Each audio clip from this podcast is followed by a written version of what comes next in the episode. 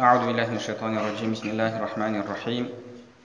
الحمد لله رب العالمين والصلاة والسلام على نبينا محمد وعلى آله وأصحابه أجمعين.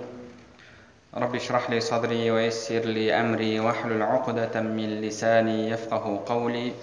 اللهم علمنا ما ينفعنا وانفعنا بما علمتنا وزدنا علما وعملا وتقا وإخلاصا يا رب العالمين. أما بعد السلام عليكم ورحمة الله وبركاته. Иншаллах алла субханала тағаланың қалауымен имам абу хамид ал ғазали рахмауллахтың кітабы бойынша немесе соның қысқартылған нұсқасы бойынша дәрісімізді ары қарай жалғастырамыз біз сіздермен өткен дәрісімізде жалпы адамдармен араласудың пайдасы мен зияны оқшаулаудың оқшауланудың пайдасы мен зиянын қарастырған болатынбыз имам әл ғазали қарастырған келесі мәселе бұл әдәбу сафар яғни жалпы сапарға шығудың әдебі. Сапарға шығудың әдебі. Және имам абу хамид ғазали рахмаулла айтады жалпы сапар деген бұл өмірдегі қозғалыстардың бірі және онда пайдалар бар дейді والفواعد الباعثة على السفر لا تخلو من هرب أو طلب енді адамның сапар шегуіне себеп болатын мәселелер себеп болатын нәрселер ол талап ету немесе қашу деді бір нәрсені талап ету немесе қашу деді яғни адам бір жерден екінші жерге сапарға шыққан кезде бір нәрсені талап етіп шығады немесе бір нәрседен қашып сапарға шығады. Мысалы ағайын туысқаныңызды зиярат етуге баратын болсаңыз бұл бір нәрсені талап ету яғни зияратты талап ету. Егер бір жұмысқа кетіп бара жатсаңыз басқа қалаға ауысып бара жатсаңыз бұл бұл да бір жұмысты талап ету немесе өзіңіздің еліңізде қалаңызда жұмыссыздық болатын болса сол жұмыссыздықтан қашу. Жалпы адамның сапарға шығуына себеп болатын нәрсе бір нәрсені талап ету немесе бір нәрседен бір нәрседен қашу.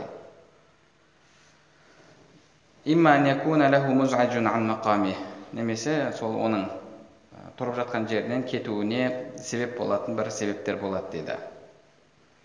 Ал енді жалпы осы тұрғыдан сапарларды қарастыратын болсақ сапарлар бірнеше түрге бөлінеді әуәл бірінші түрі әс-сафару фи талабил илм яғни білім талап ету сапары білім талап ету сапары имма уәжибун имма нафил уәжіп немесе нәпіл болып бөлінеді енді оның нәпіл немесе уәжіп екенін қайдан білеміз егер сол сіз талап етіп жатқан білім сіз үшін уәжіп білім болатын болса онда сапар шегуіңіз уәжіп болады. Егер сіз үшін нәпіл білім болатын болса онда сапарыңызда нәпіл болады. Мысалы сіз базарға шықпақшысыз.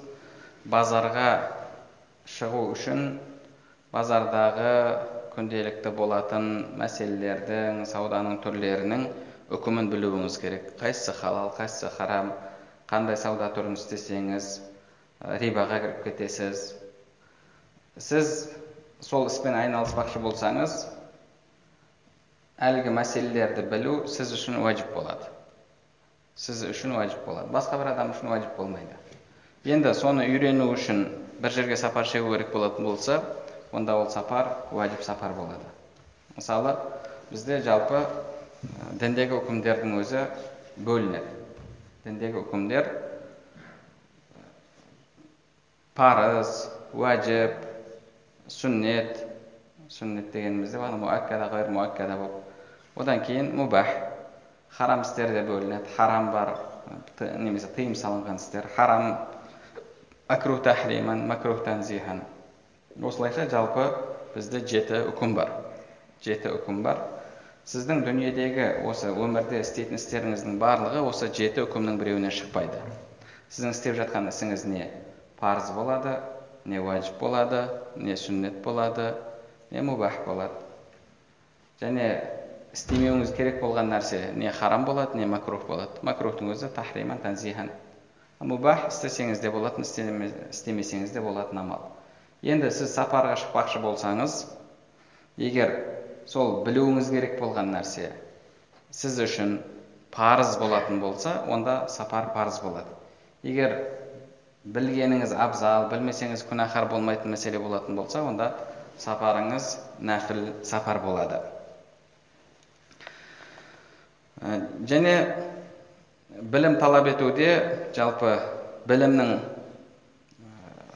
түрі де бірнеше түрі болады.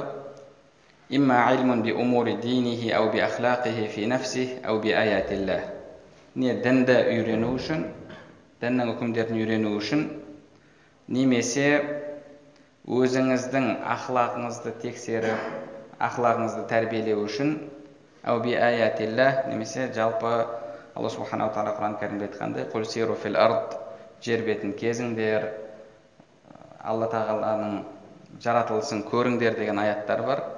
Сапарыңыз немесе осы тұрғыдан болады. Яғни мен сапар шегейін алла тағаланың құдіретін көрейін құдіретін сездіретін жерге барайын деген ниетпен адам сапарға шығады.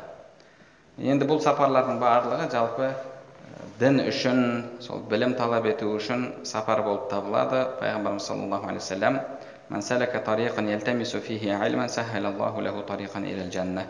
кімде кім білім талап етіп жолға шығатын болса алла тағала оның жұмаққа жолын жеңілдетеді дейді.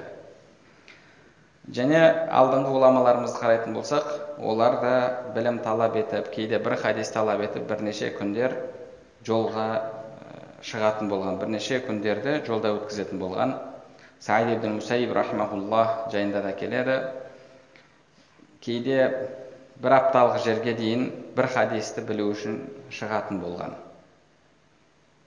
Имам шаби рахмаулла айтады لو سافر رجل من الشام إلى أقصى اليمن في كلمة تدل على هدى أو ترده عن ردى ما كان سفره ضائعا егер бір адам шамнан йеменнің бір шетіне сапарға шығу керек болса дейді шам білесіздер картада бағанағы ә, шам өлкесі яғни қазіргі сирия палестина сол жерден йемен еліне сапарға шығатын болса дейді оның мақсаты фи бір сөзді талап етіп дейді. Оны тура жолға бастайтын немесе жамандықтан тыятын жамандықтан кері қайтаратын оны оның сапары бос сапар болмайды деді ол жалпы сауапты сапар болып табылады. Және имам хамид ғазали айтады білім саласында бізге аты белгілі ғалымдардың барлығы білімді сапарға шығу арқылы сапар шегу арқылы талап еткен білімге қол жеткізген дейді. Яғни адам жалпы сапарға тікелей шариғат мәселелерін үйрену үшін немесе өзінің ақылағын дұрыстау үшін өзінің ақылағын тексеру үшін шығады. Енді ақылақты дұрыстау бұл да жалпы білім талап ету болып табылады. Бұл сіз ішкі жан дүниеңізді тәрбиелеу білімі немесе алла тағаланың жаратылысын көріп сонымен әсерленіп сол арқылы иманыңызды арттыру сапары. Яғни ол сапар тек қана бір табиғатқа ғана болуы шарт емес. Мысалы сіз егер абақтыны барып көретін болсаңыз немесе жындыхананы барып көретін болсаңыз сапар шегіп аурухананы көретін болсаңыз мұның барлығы жалпы жаратылысқа қарап тәубе ету жаратылысқа қарап шүкіршілік ету жаратылысқа қарап иманыңызды арттыру үшін пайдасын тигізетін амалдар болып табылады. Енді жалпы сапарға шығу арқылы адам өзінің мінезін тексереді. Араб тілінде сапарды сәфар деп айтады. Сәфар ол бағанағы сәфара әсфара деген сөздерден шығады. Мағынасы ашу көрсету дегенді білдіреді. Не үшін енді сапарға шығу араб тілінде сәфар сәфар деп аталған? Дейді өйткені ол адамның мінезін көрсетеді деді. Қиын сапарлар ұзақ сапарлар ә, жолда неше түрлі машаққатқа кезігетін сапарларда кімнің кім екендігі көрінеді. Әлбетте әлгі кондиционері бар салқын ешқандай қиындықсыз вип сапарларда ешкімнің мінез құлқы көріне қоймайды бірақ қиын сапарларда қиындық көреді бір біріне көмектесу керек сондай кезде адамның кім екендігі көрінеді яғни бұл жолда сапарға шығуда негізі адамның өзін дамыту өзін тәрбиелеу үшін болып табылады сол үшін ол да жалпы білім жолында талап білім жолында сапарға шығуға жатқызуға болатын сапардың түрі. Ал енді алла тағаланың жер бетіндегі құдіретін сезіну үшін сапарға шығу жайында имам абу хамид айтады сол сапарға шығушы адамға көптеген пайдалар бар дейді. Өйткені адам неше түрлі жерлерді кезеді тауларды көреді сахараны көреді теңіздерді көреді өсімдіктердің жан жануардың түрлерін көреді. Және егер адам жүрек көзімен қарайтын болса кез келген нәрсе алла тағаланың бар екендігіне бір екендігіне куәлік етеді. Кез келген нәрсе. Ағашқа қарасаңыз да тауға қарасаңыз да жан жануарға қарайтын болсаңыз да барлық нәрсе жалпы алла тағаланың бар екендігіне куәлік етіп тұрады және адамдар түсіне бермейтін тілмен аллаға тәсбих айтып тұрады деді егер адам бағанағы жан дүниесімен соны сезінетін болса жан дүниесімен берілетін болса бүкіл әлемнің аллаға сондай бір тәсбих айтып тұрғанын алланы ұлықтап тұрғанын алланың бар екендігіне бір екендігіне куәлік беріп тұрғанын сезінуге болады. Адам осылай сапарға шыққан кезде осы нәрсені ниет етуі керек. Бұны ниет ететін болсаңыз иншалла алла субханала тағала сіздің сапарыңызды пайдалы сауапты сапар етеді. Ал енді ойыңыздың барлығы тек қана барған жерде суретке түсіп оны фейсбукқа инстаграмға қою болатын болса онда ол сапарыңыз бос сапар болады. Онда ол рия сапары болады. Енді ол рия құлшылық мәселесі болмағандықтан да оны күнә деп айта алмаймыз. Себебі жалпы харам болмаған нәрседе рия жасау дінімізде харам емес. Яғни мысалы біреу бағанағы өзінің күшті екенін көрсетіп болады ғой. Тренажерный залға барады мысалы тырыстырып футболка киіп алды да сол жерде өзінің бағанағы темір көтеріп качаться етіп жатқанын суретін қояды. Ол адамдарға мақтанып жатыр. Міне мен качаться етемін күшім көп деген секілді. Бірақ бұл енді құлшылықты көрсетіп адамдарға рия жасап жатыр ма? Жоқ. Ондай болатын болса бұның ісі харам деп айтылмайды. Бірақ жалпы рия сапары болады. Рия сапары болады. Кейде адамдар енді құлшылық болған қажылықтың өзінде мысалы сондай нәрсені істеп жатады. Қарайсыз? Бір сағаттан кейін жаңа сурет тағы бір сағаттан кейін жаңа сурет ана жерде жүрміз кабада жүрміз кабаны айналып келдік алла дұға тілектерімізді қабыл етсін деп қояды сөйтіп бір кездегі бағанағы кабаны айналып жүрген суретін қояды тағы да басқа да бұл жалпы рия сапары болып кетеді ал негізінде адам әсерлену үшін әсіресе сондай қажылық құлшылыққа баратын кезде кабаны барып көрген кезде адам қаншалықты әсерленеді сол қасиетті жерлерде болған кезде қаншалықты әсерленеді сол үшін жалпы адам әсер алу үшін иманын арттыру үшін сапар шегу керек. Қандай жерге де баратын болса соны ниеттенетін болсаңыз иншалла сізге алла тағала сауабын береді. Және жалпы алла тағаланың қаһары ұшыраған қауымдардың жерлері бар. Ондай жерлерге барған кезде пайғамбар негізінде енді ондай жерден өтіп бара жатсаңдар тезірек өтіп кетіңдер деді. Бізде сондай адамдар бар. Мысалы сапарға шығады.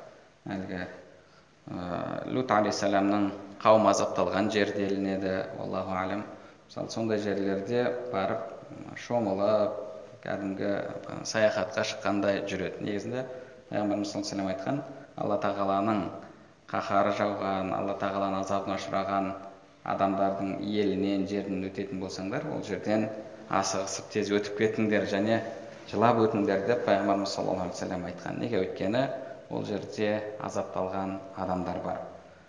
Яғни жалпы адам сапарға шыққан кезде әсер алу үшін әсерлену үшін алланың құдіретін сезіну үшін шығуы керек. Енді сапардың екінші түрі құлшылық үшін сапарға шығу. Қажылық секілді алла жолындағы күрес секілді. Және пайғамбарымыз саллаллаху алейхи уассаламның хадисінде ата аталған мешіттерге сапар шегу үшін дейді. Пайғамбарымыз саллаллаху алейхи айтады арнайы сауапты үміт етіп арнайы сауапты үміт етіп үш мешітке ғана сапар шегіледі деді сапарға шығуға болады. Ол мәсжиди хәза уәл мәсжидул харам уәл мәсжидул ақса менің мына мешітім және харам яғни меккедегі мешіт және әл ақса мешіті деді осы үш мешітке арнайы сапар шегуге болады басқа мешіттердің барлығы алла тағаланың құзырында бір және сіздің ниетіңізге жараса иншалла алла тағаланың беретін сауабы бір ал енді меккеге сапар шексеңіз мысалы бір намазыңыз жүз мың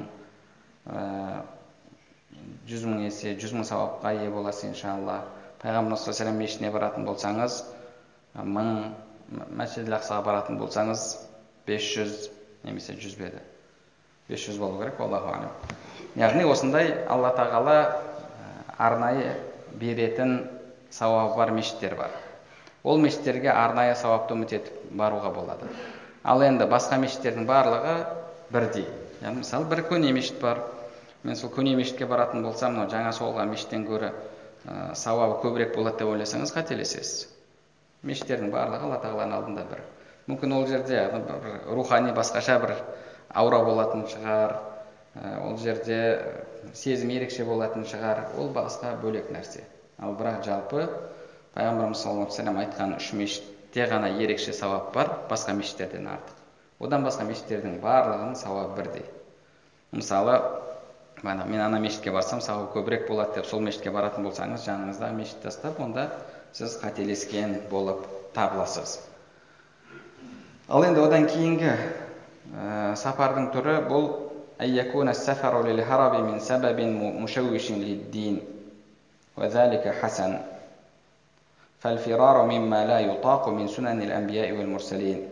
яғни дініңізге зиян келтіретін бір себептерден қашу сапары дейді бұл жақсы іс.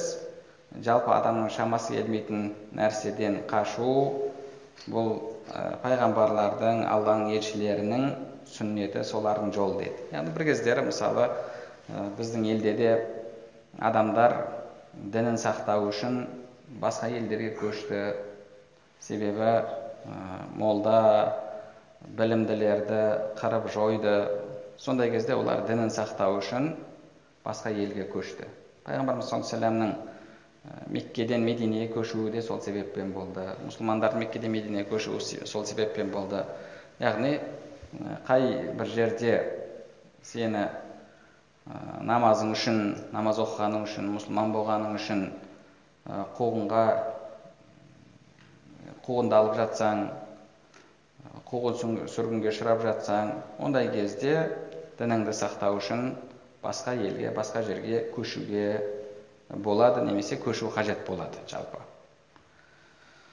Ә, және қарап отыратын болсақ үлкен ә, имамдарымызда да сондай жағдайлар болған өмірлерінде.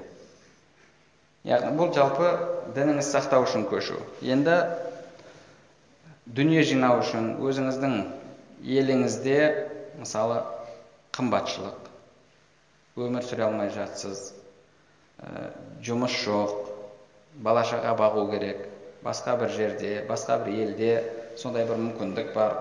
Сол кезде сапар шегетін болсаңыз ғұламаларымыз айтады әсіресе мұсылмандар аз болған мұсылмандар мүлдем болмаған елдерге баратын болсаңыз негізінде ә, жалпы бір қатты қиналатындай жағдай болмаса негізінде мұсылмандардың ортасын тастап мұсылман еместердің ортасына барып көшіп алу негізінде дұрыс емес.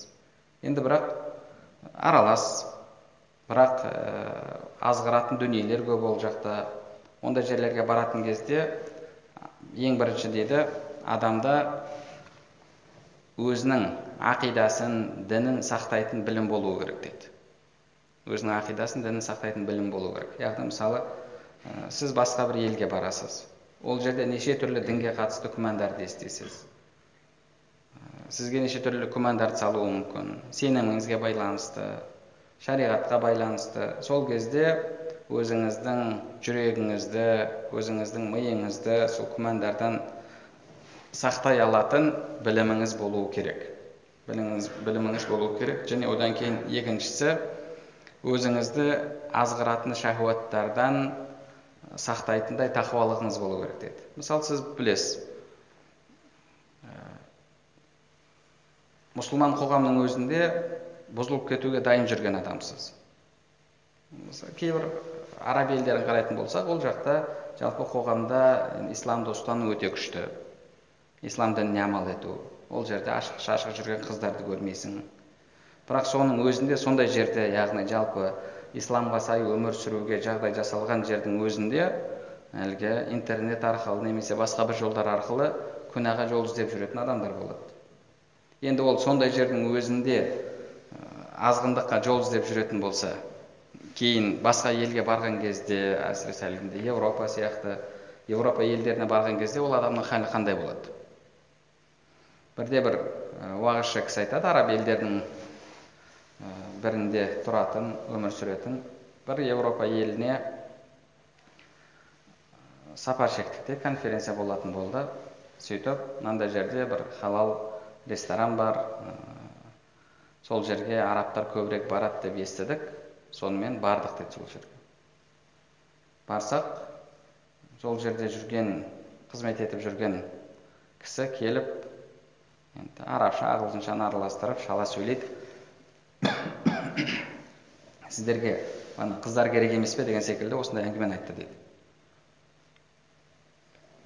Мен айттым деді біз мұсылманбыз біз осындай қасиетті жерлерден келіп отырмыз. Бұл нәрсе бізге біздің жалпы ұлтымызға дінімізге жат дүние деп ананы түсіндіруге тырысып жатырмын деді. Сөйтсем әлгі адам айтып жатқаны мен сіздің еліңізден келгендерге осы жағынан қызмет көрсетіп жүрген адаммын ғой деп солай айтып жатыр деді сөйтіп ана жерде енді уағызында ашуланып айтып жатыр да. Сондай қасиетті жерлерді барып атын кірлеп кірлетіп жүрген қанша біздің бауырларымыз бар деп уағызында осылай айтып жатыр. Яғни мысалы кейбір адамдар шетелге баратын болса күнә істеуге мүмкіндік көп жер бола, болса ол жерге барса азғырылып кететін болса негізінде ол адамның сапар шегуіне рұқсат жоқ. Сапар шегуіне рұқсат жоқ. Мысалы шығады ма бірден өзінің әлгі қапастан шыққан адам сияқты сезініп күнәлардың неше түрлісін істей бастайды. Ондай адамға тіпті әлгі дүние табамын деген ниетпен басқа жаққа сапарға шығуына болмайды. Күнә істеуге көбірек мүмкіндік жасалған жерлерге баруға болмайды. Және үшіншісі баруға мұқтаждық болу керек деді. Баруға мұқтаждық болуы керек. Егер мұқтаждық болмайтын болса онда ә, ол адамның сапарға шығуына болмайды ондай жерлерге ең бірінші сіз дініңізді сақтай білуіңіз керек. Енді жалпы бұл негізі адамның өмірінде өте қажетті дүниелердің бірі. Мысалы бізде дінімізде әхіл китап кітап иелерінен яғни христиандардан яхудилерден қыз алуға рұқсат дінімізде рұқсат береді бірақ ғұламаларымыз бұл мәселені қарастырған кезде кітапта айтады оның ең бірінші шарты дейді оған дінді түсіндіре алатындай ертең өзіңнің дініңді уағыздай алатындай сенде білім болу керек дейді және одан кейін балаңа дұрыс тәрбие бере алатындай әйеліңнің тәрбиесі өтіп кетпейтіндей сенде тағы да білім тәрбие тақуалық болу керек дейді және одан кейін қоғам ол сол дін өкілінің қоғам болмау керек дейді.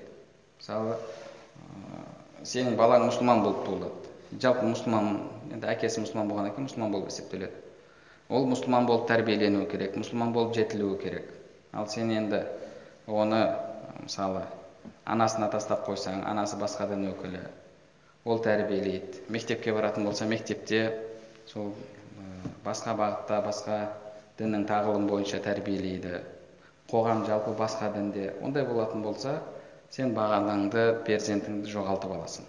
Сол үшін де жалпы баланың мұсылман болып тәрбиеленуіне барлық жағдай жасалған болу керек. Сол кезде сол шарттар орындалған кезде басқа дін өкілінен үйленуге болады.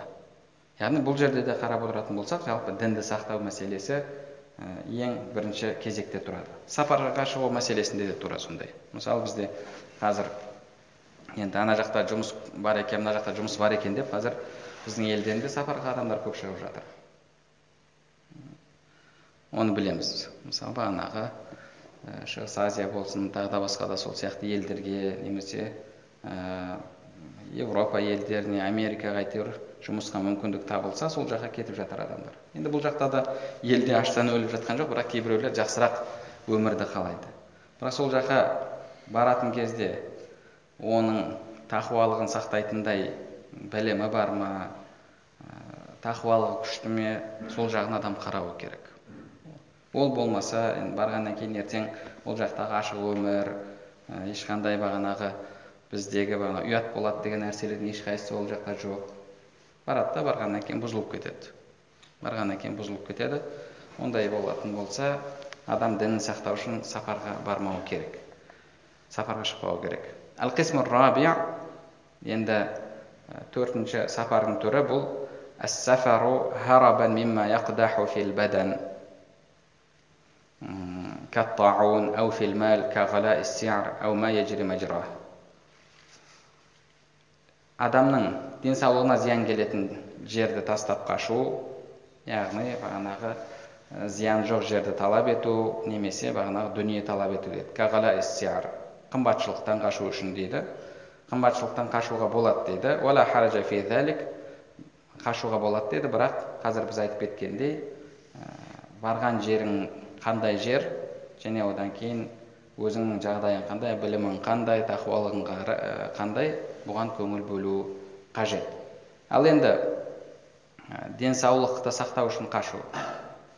Денсаулықты сақтау үшін жалпы жер ауыстыруға болады дінімізде. Оған рұқсат мысалы бір жерде экология ластанған өте нашар адамдардың барлығы мысалы ауыра береді. Ондай жерден экологиясы таза жерге көшуге дінімізде рұқсат. Ал бірақ енді каттаун дейді. Оба ауруы сияқты ауру тараған жер болатын болса ол жерден ә, шығып кетуге болмайды. Себебі пайғамбарымыз саллаллаху алейхи вассалам хадисінде айтады егер бір жерде оба ауру тарайтын болса онда ол жерге ешкім кірмесін және ол жерден ешкім шықпасын дейді. Пайғамбар хадисінде осылай айтқан. Соны солай жеңуге болады. Ал егер бір адам мысалы шығатын болса басқа жаққа барып таратады жалпы иә бұған қияс жасайтын болсақ әлгі жұқпалы ауруларды таратуға сондай бір тарату қаупі болатын болса онда олай жасамау керек пайғамбарымыз саллаллаху жалпы тауынға қатысты осы нәрсені айтқан имам абу хамид ғазали рахмалла айтады ولكن يستثنى منه الطاعون فلا ينبغي أن يفر منه لورود النهي عنه енді оба ауруына ұшыраған адам одан қашуына болмайды. Себебі оған қатысты тыйым келген дейді. Одан оған қатысты тыйым келген. Одан кейін имам абу хамид ғазали мынандай бір мәселені қарастырған. Сияхатул мутасауифа дейді. Яғни ә, сопылық жолында жүргендердің саяхаты немесе солардың сапары дейді. Солардың сапары және ол жайында айтады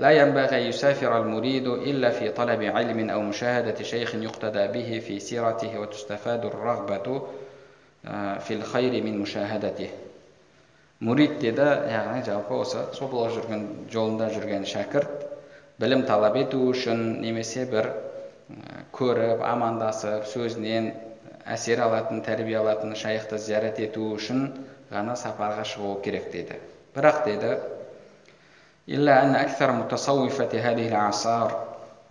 енді қазіргі замандағы сопылық жолындағы адамдардың көбісі дейді. Олардың ішкі жан дүниесі тоқырауға кедейлікке ұшырағаннан кейін және олар жалпы алла тағаланы зікір етумен ләззаттанудан махрұм қалған кезде олар жұмыссыздықты өздеріне кәсіп етіп алды жұмыс істеуді ауыр көреді. Сол үшін де олар адамдардан көмек сұрау сондай адамдар өздері әкеліп дүние әкеліп беретін тамағын әкеліп беретін жерлерге сапар шегуді әдет етіп алды дейді. Және бұл жерде сол нәрселерді айтады бағанағы әл ханқахат және бағанағы рауабит деген өзі арнайы жерлер болған. Бұрынғы уақытта мұсылмандар басқа елдермен сондай соғыстық қарым қатынаста болды біраз жерлерде. Сол кезде әл мурабитун яғни шекараны қорғайтын алла жолында күресте жүрген адамдар болды. Олар қажет кезде соғысқа шығады қажет емес кезде арнайы ғимараттарда құлшылықпен айналысып тақуалығын арттырып алладан жеңіс беруін сұрап осылай өмір сүрді. Кейін мұсылмандардың шекарасы кеңейген кезде әлгі жерлер қалып қалды. Кейін ол жерге ана тәркі дүние жасаған дүниені тәрк еткен өзімен өзі болып жүрген дәруіштер әлгі сопылық жолындағылар келіп қоныстанды. Адамдар енді олар осындай әулиелер ғой білім жолында жүрген адамдар ғой тақуалығы күшті адамдар ғой деп барып оларға қызмет жасайтын болды бағанағы тамағын апарып береді басқа қылады. Енді имам айтады кейбір жұмыс істегісі келмей өтірік сопы болып алғандар дейді. Сопылық оның тек қана сыртқы көрінісінде киімінде сөзінде ғана жүрегінде жан дүниесінде ешқандай сопылық жоқ дейді. Солар әлгіндей жерлерге сапар шегіп сол жерлерде жатып тегін тамақ жеуді өздеріне кәсіп етіп алды дейді. Бұндай сапар өте жаман күнә сапар болып табылады дейді. Күнә болып табылады. Олардың сапарға шығуына себеп болған нәрсе тек қана сол жұмыссыздық және жұмыс деп кәсіп етуге құлықсыздық дейді. Және сол заманға қатысты яғни осындай бір сөзді айтады ол кісі енді біздің заманымыз жайында не деуге болады?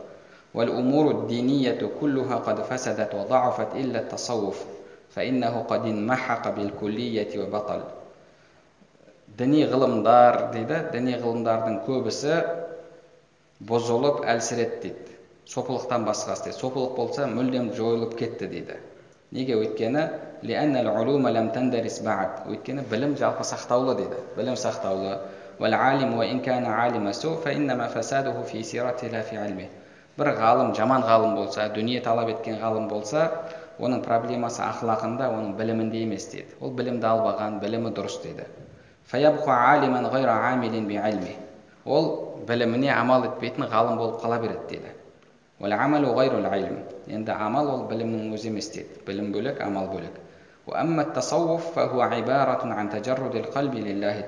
тасауф дегеніміз бұл жалпы адамның жан дүниесінің аллаға берілуі дейді адамның жан дүниесімен аллаға берілуі.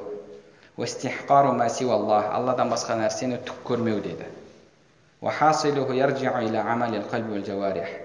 дейді яғни жалпы тасауф деген бұл ең бірінші бұл жүректің мәселесі ал білім деген ол не білім деген мәлімет егер сіз біліміңізге амал ететін болсаңыз онда сіз амал етуші иншалла ізгі ғалымдардансыз ізгі ә, жалпы мұсылмансыз амал етпейтін болсаңыз онда сізде білім бар ол өзіңізге қарсы құжат болады сіздің біліміңізді ешкім дұрыс емес деп айта алмайды біліміңізді дұрыс емес деп айта алмайды ал тасауф дегеніміз сопылық дегеніміз бұл жалпы жан дүниенің тазалығы. Енді оның жан дүниесі бұзылатын болса онда ол адамда тасауф деген нәрсе жоқ. Неге? Өйткені тасауф сопылық деген бұл сыртқы көрініс емес. Ең бірінші жан дүниенің тазалығы. Имам абу хамид ғазали айтады. Енді оның жан дүниесі бұзылатын болса дейді онда яғни ол нәрсе түгелдей жойылады дейді.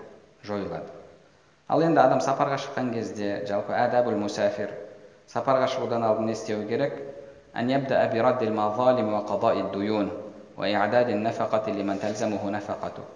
Ең бірінші біреулерден бір нәрсе алып қойған болсаңыз адамдардың ақысын қайтару әсіресе қажылыққа сапарға шығатын кезде қарыздарды қайтару және бағанағы сіз жауапты болған адамдардың нафақасын дайындап кету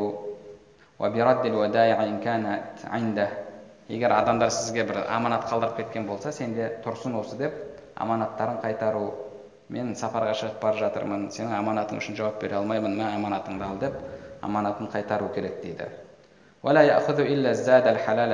Және жол азық ретінде тек қана халал таза нәрсені алу керек дейді.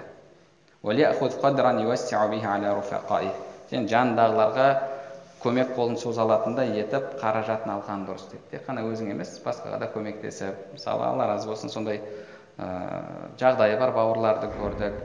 Умраға иатикафқа шыққан кезде сол жердегі бағана қолынан келгенше бауырлардың бәріне ифтарын алып беріп қолынан келгенше сауап сауап алуға әрекет жасайтын қанша бауырлар бар. Яғни жалпы адам сапарға шығатын кезде адамдардың ақысын қайтару керек қарызын қайтару керек аманатқа тасталған дүниелер болатын болса соны иелеріне қайтарып беру керек. Және ә, сапарға шығып бара жатқан кезде мысалы үйіңізде әйеліңіз бала шағаңыз қалып жатыр. Алла субханала тағала сізге алла тағала сізге оларды аманат етіп берді. Сіз енді алланың сізге аманат етіп берген нәрсесін қайтадан алланың өзіне аманат етіп тастап кете салу негізі дұрыс емес. Бізді әлгі кейде дағуатқа шығатын кісілерді көресіз. Алланың өзі жеткізіп қояды деп мысалы ешқандай дүние тастамастан алла субханала тағала саған соны бақ асыра тамағын тауып бер деді. Сен қалай енді оны қайтадан е алла сен маған аманат етіп берген нәрсе мен өзіңе аманат етіп қалдырып кетемін дейсің да қалдырып кетесің. Мысалы кейде бір сондай бір оқиғаларды айтып жатады естіп қаласыз бір кісі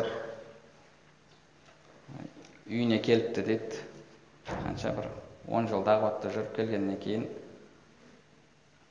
бір түн болыпты әйелінің жанында болыпты. Кейін тағы бір келсе баласы туылған екен сөйтіп тағы да бір екі күн болып қайтадан дағуатқа шығып кетті. Ары қарай дағуатта жүре беріп жүре беріп бір қараса жиырма жыл ма жиырма бес жыл уақыт өтіп кетті дейді қой енді еліме барайын бала шағам балам бар әйелім бар көрейін не болды екен деп еліне қайтыпты еліне қайтып келген кезде ең бірінші мешітке кіріпті дейді мешітке кірсе бір жас жігіт уағыз айтып жұртты жылатып адамдарға дінін үйретіп жатыр екен. Сөйтіп әлгі кісі қап мен де үйде болып баламды тәрбиелегенімде ә, менің балам да осындай бір ғалым болып шығар ма еді уағызшы болып шығар ма еді деп кішкене жүрегінде бір өкіну пайда болыпты сөйтіп үйіне келіпті. Үйіне келсе әйелі жүр. Қалайсыз? Жақсы барып келдіңіз ба? Ана бір екі күнге шығып кеткен адам сияқты. Келіңіз келіңіз деп тамағын беріп сөйтіп екеуі тамақ жеп отырса балам қайда? десе шығып кеткен еді деп. Бір кезде үйіне әлгі баласы кіріп келе жатыр деді. Енді уағыз айтып жатыр отырған кісі. Көрдіңіз бе? ана. Сіз аллаға сеніп тастап кетсеңіз алланың өзі тәрбиелеп қояды деді. Сөйтіп әлгі өкінген үшін дағуатта жүре бергенше балам тәрбиелеуім керек еді деп өкінген үшін тәубе етіп сол жерде тағы отыз жылға шығып кетіпті ана жерде отырғандардың бәрі машалла машалла алла субханала тағала ең бірінші өзіңнің ағайын туысқандарыңды ескерт деді ә, пайғамбарымыз саллаллаху алейhi бірінші өзінің ағайын туысқанын ескертті. Соларды дінге шақырды. Бала шағаның тәрбиесі бар. Өзіңнің ауылыңда да мысалы қанша адамдар бар дінді үйретуді қажет ететін. Яғни жалпы олай әйел бала шағаны тастап қойып әйел бала шағаны тастап ондай сапарға болмайды өйтіп шығып кетуге. Сапарға өйтіп шығып кетуге болмайды. Сапарға шығатын болсаң да әйел бала шағаң сенің аманатың саған тапсырылған аманат сол үшін мысалы бір айға кетіп бара жатсың ба? Бір айға жететін оның тамағын бағана ақшасын беріп кетуің керек. Екі ай ма? Екі айға енді алла өзі жеткізіп қояды деп тастап кету бұл негізінде аманатқа қиянат болып табылады. Және одан кейін екінші әдебі ә, ізгі жақсы достарды таңдау дейді. Жалғыз өзі сапарға шықпау керек дейді. Жалпы пайғамбар жалғыз сапарға шығуға тыйым салған. Қолдан келгенше жалғыз сапарға шықпау керек. Енді жалғыз сапар деген енді көбінесе алдыңғы уақыттарда бағанағы түйесіне мініп алады да ә, сахараны құмды шөлді ә, басып солай кезіп кете береді. Енді біздің қазіргі кездегі мысалы бағанағы бір автобусқа отырасың жанында адамдар көп оны жалғыз сапар шегу деп айтуға онша енді келмейді. Ә, бірінші жалпы дұрыс дос таңдау керек сапарға дейді. Бірінші дос кейін жол кейін сапар дейді. Оны оның тақуалығына көмектесетін сапарда тоқта тұр. Тоқта мына жерде намаз оқып алайық уақыты шығып кетеді деп көмектесетін. Екі жеткен жеткен кезде оқып аламыз деп мысалы кейбіреулер болады. Жеткенде оқып аламыз жүре берейік деп керісінше мысалы намазды кешіктіретін ондай достарды емес. Керісінше ә, сол тақуалығына дінді берік ұстануына көмектесетін жол бағанағы жол серік таңдауы керек. Және сапарға шыққан кезде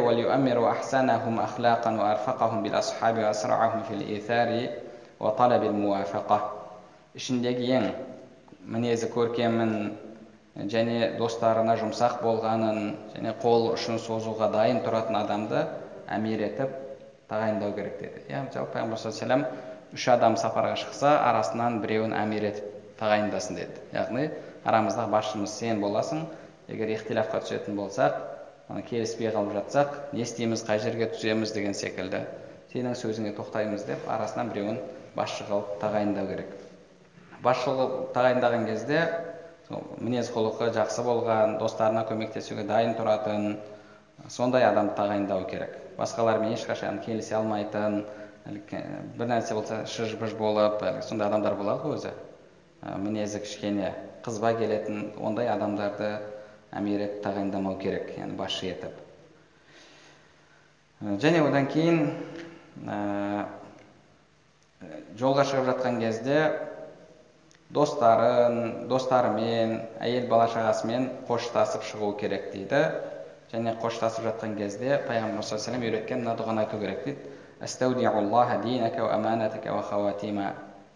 Яғни дініңді жалпы бәрін аллаға сені аманат етіп тапсырамын деген осындай сөздерді айту керек дейді. Бұны имам насаи имам әбу дәуудтер риуаят еткен. Одан кейін төртінші өзіне қажет болған заттарды бірге алу деді яғни мысалы сіз жолға шығып жатсыз білесіз жолға шыққан кезде мысалы дәретке қағаз керек болады тағы да басқа да сол секілді нәрселеріңізді әсіресе сіздің тазалығыңызды киіміңізді бағана таза ұстауға намазға жарамды етіп ұстауға керек болған нәрселерді әсіресе адам сапарға шыққан кезде ұмытпау керек. Кейде мысалы адамдар сол нәрселерге көңіл бөлмейді кейін барған жерінде іздеп жүреді. Негізінде бұл нәрсеге қатты көңіл бөлу керек. Және одан кейін әл хамис бесіншісі сапардан келген кезде үйіне өзінің келгендігін білдіретін адам жіберуі керек дейді. Түнделетіп келіп есікті қағуға болмайды деді. Түнделетіп келіп есікті қағуға болмайды. Яғни ескертпей келіп есікті қағуға болмайды. Бұл бір жағынан дініміз тыйым салған әлгі адамның артына түсіп аңду сияқты болып қалады. Дініміз оған тыйым салады. Себептен себепсіз мысалы сен біреуге күмәндануға болмайды. Ол мейлі әйелің болсын бала шағаң болсын ол ойды саған кім салып жатыр? Мысалы осы әйелім не істейді екен деп әйеліңді аңдымақшысың. Не үшін аңдып жатырсың? Оған күмәнданып жатсың. Күмәндануға себеп бар ма? Себеп жоқ. Онда ол күмән саған қайдан келіп жатыр? Демек шайтаннан келіп жатыр. Ал шайтанның ойыңа салып жатқан жүрегіңе салып жатқан күмәніне еріп соның нәтижесінде адамдардың артынан аңдып тексеріп тығылып тексеріп мұндай әрекеттерге баруға болмайды. Ал енді біздің кезімізде мысалы сіз айтып қоюыңыз керек. Звондап мынандай уақытта мысалы самолет қонады ұшақ қонады иншалла сағат бірлерге мысалы он екіде қонады бірде үйде болып қаламын деген секілді. егер айтып қоятын болсаңыз онда түнде де күндіз де бара беруге болады. Бірақ айтпай бірден сап етіп түсе қалып бәрін сіз күтпеген кезде бәріне сюрприз болып олай кіруге негізі дінімізде тыйым салынған. Және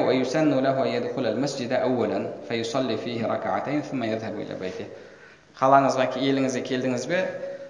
Сүннет бойынша дейді пайғамбар саллаллаху ісі сондай болған. Бірінші мешітке барып екі ракат намаз оқып одан кейін барып үйіне баратын болған дейді. Яғни қолдан келгенше солай жасау керек. Енді бұл әлбетте парыз емес. Бірақ қолыңыздан келсе солай істегеніңіз абзал болады. Жалпы бұл сапарға қатысты әдеттер осымен иншалла сапарға қатысты мәселелер мәселелерді тәмамдадық. Келесі жолы иншалла келесі басқа мәселелерді қарастырамыз. Алла субхана тағала бәрімізге пайдалы білім нәсіп етсін білімдерімізге амал етуімізді және амалдарымыздың қабыл болуын нәсіп етсін.